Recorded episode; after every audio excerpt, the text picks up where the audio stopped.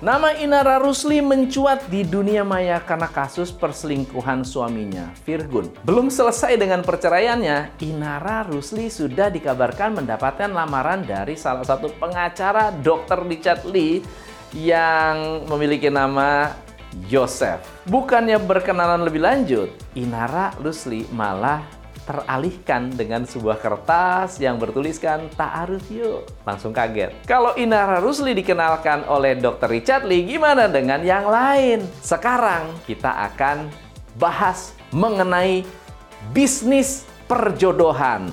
Ikuti sampai habis, kita akan kupas tuntas industri perjodohan. Tapi gimana sih sejarah awalnya industri perjodohan ini? Ternyata upaya untuk mencari jodoh sudah ada sejak tahun 1690-an. Di mana seorang pria yang berusia 30 tahun di Inggris mengiklankan melalui media cetak seperti koran, majalah untuk mencari istri. Istri pertama ya, bukan istri kedua. Nah, pria 30 tahun ini pun mencantumkan beberapa kriteria, termasuk usia wanita yang harus lebih muda, memiliki kekayaan sebesar 3.000 pound sterling, dan seterusnya.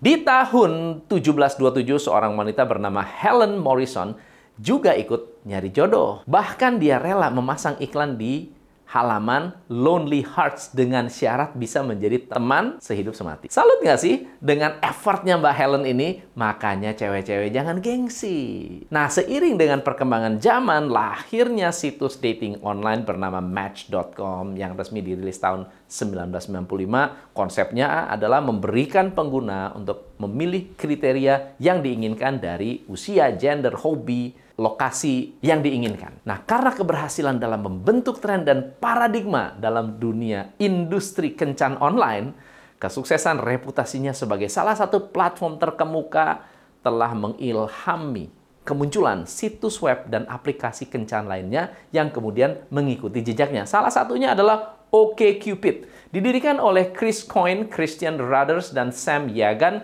dan Max Kron pada tahun 2004. Aplikasi ini bertujuan untuk menciptakan platform kencan yang berbeda dengan pendekatan yang lebih terbuka, transparan, dan berbasis data.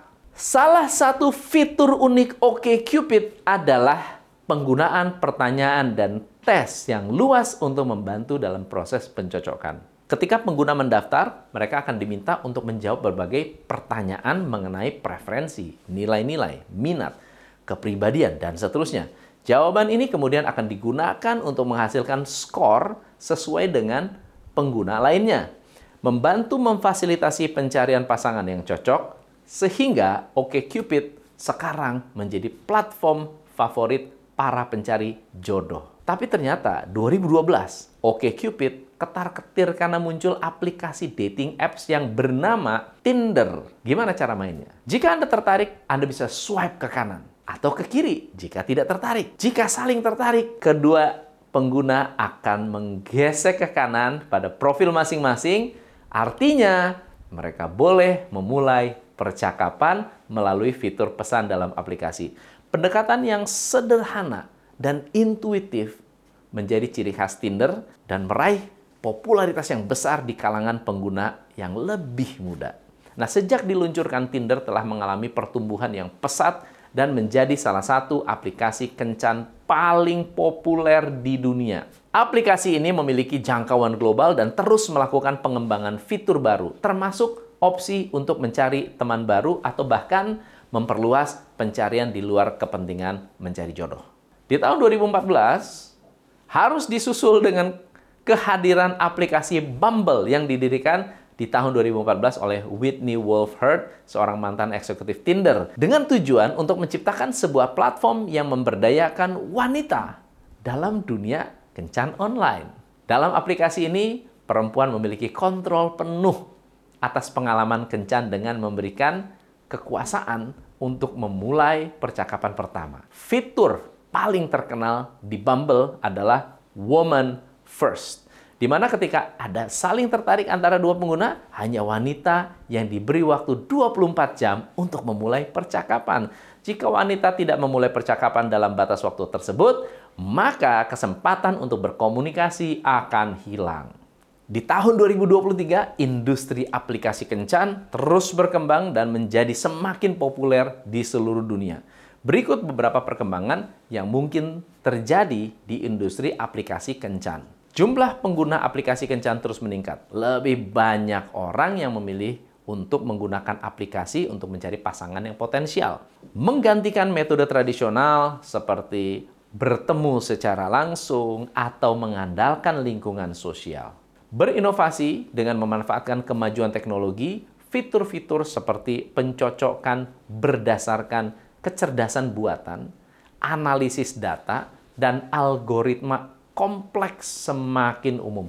Teknologi kecerdasan buatan dapat membantu memperbaiki kecocokan antara pengguna dengan mempertimbangkan minat, preferensi, dan kesamaan-kesamaan lainnya. Berusaha untuk memberikan pengalaman yang lebih personal lebih relevan bagi pengguna. Mereka sering kali menawarkan berbagai filter dan preferensi yang dapat digunakan untuk menyaring kandidat potensial sesuai dengan keinginan pengguna.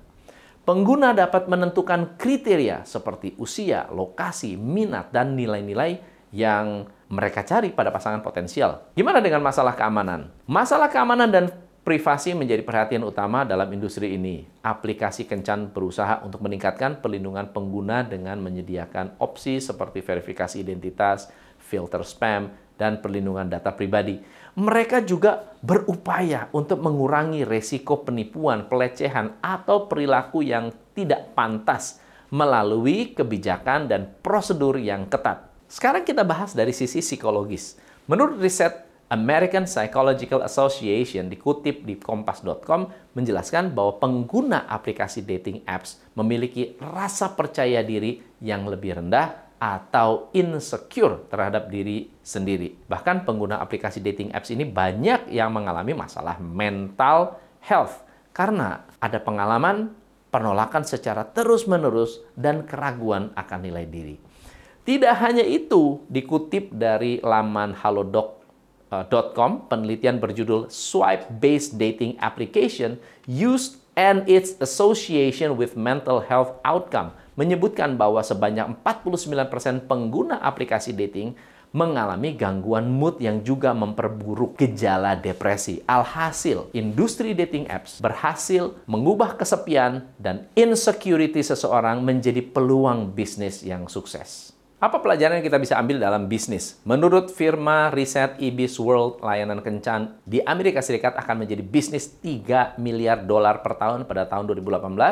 Berkembang sejak tahun sebelumnya, kira-kira 15% orang dewasa atau sekitar 50 juta orang Amerika mengatakan bahwa mereka telah atau terus menggunakan situs web atau dating apps untuk mencari jodoh yang nggak nyangka juga ya. Sebagai contoh platform Bumble, harga sahamnya melonjak hingga 60%. Bagaimana dengan Tinder? Berdasarkan data yang dikutip di katadata.co.id, Tinder menjadi aplikasi kencan online yang paling banyak diunduh secara global di tahun lalu. 67 juta download disusul dengan platform Badu. Pendapatan Tinder mencapai 439 miliar US dollar, meningkat 3,3 persen dari kuartal sebelumnya. Bahkan Tinder memiliki 10,7 juta pelanggan di kuartal 1 meningkat 17,6 persen dibandingkan dengan periode yang sama sebanyak 9,1 juta orang. Bahkan total pendapatan dating apps di 2016 sampai 2020 cenderung bertambah sekitar 13 persen dan diprediksi akan mencapai 5,7 miliar di tahun 2025. Tahun 2022, orang Indonesia telah menghabiskan pengeluaran sebesar 358 miliar untuk mencari jodoh. Naik 45% dibanding tahun sebelumnya ini luar biasa. Siapa yang mau masuk ke industri ini? Nah, pasti menarik ya. Pelajaran yang akan kita ambil dari dating apps ini, industri dating apps memahami kebutuhan dan tantangan pengguna mereka seperti kesepian, ketidakamanan dalam hubungan, dan kesulitan mencari pasangan. Pelajaran ini mengajarkan bahwa untuk menjadi sukses dalam bisnis sangat-sangat penting untuk mengenali dan memahami kebutuhan serta tantangan yang dihadapi oleh target pasar Anda. Dating apps yang sukses memberikan pengalaman pengguna yang positif dan memuaskan. Mereka menyediakan fitur-fitur yang membantu pengguna menemukan pasangan yang cocok, menjaga privasi, keamanan, serta memberikan saran dan dukungan yang relevan.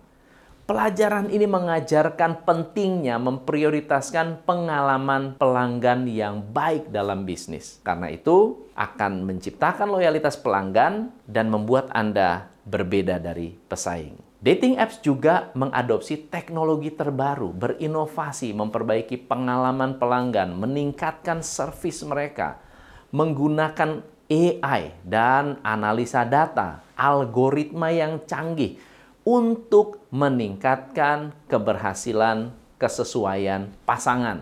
Pelajaran ini mengajarkan bahwa bisnis yang sukses harus terbuka dengan adopsi teknologi, harus mau berinovasi, harus tetap relevan memenuhi kebutuhan pelanggannya. Jadi benar kan? Kalau cinta itu memang tidak pernah mati, dan sekarang ada industri dating apps yang membuat bisnis booming banget. Gampangnya, mereka tuh bikin aplikasi kencan yang bikin hidup kita makin seru dan berwarna. Bukan cuma soal nyari jodoh, tapi juga menghasilkan uang yang tidak sedikit. Jadi, dating apps ini bukan cuma wadah buat cari pasangan atau teman spesial, mereka juga jadi cerminan industri yang tumbuh pesat dan peluang bisnis yang tidak bisa dianggap remeh dengan teknologi canggih. Mereka bisa menghubungkan orang-orang dari berbagai belahan dunia dan memberikan kesempatan agar bisnis juga bisa berkembang. Selain itu, dating apps mencerminkan perubahan sosial budaya kita. Masyarakat sekarang lebih terbuka untuk mencari jodoh dan teman baru melalui aplikasi ini. Itu berarti ada potensi besar buat pelaku bisnis menghadirkan solusi dan produk baru yang bisa memenuhi kebutuhan pasar yang terus berkembang. Jadi jangan lewatkan peluang ini guys. Saya Tom MC Ifle, salam pencerahan. Hanya di Top Indonesia.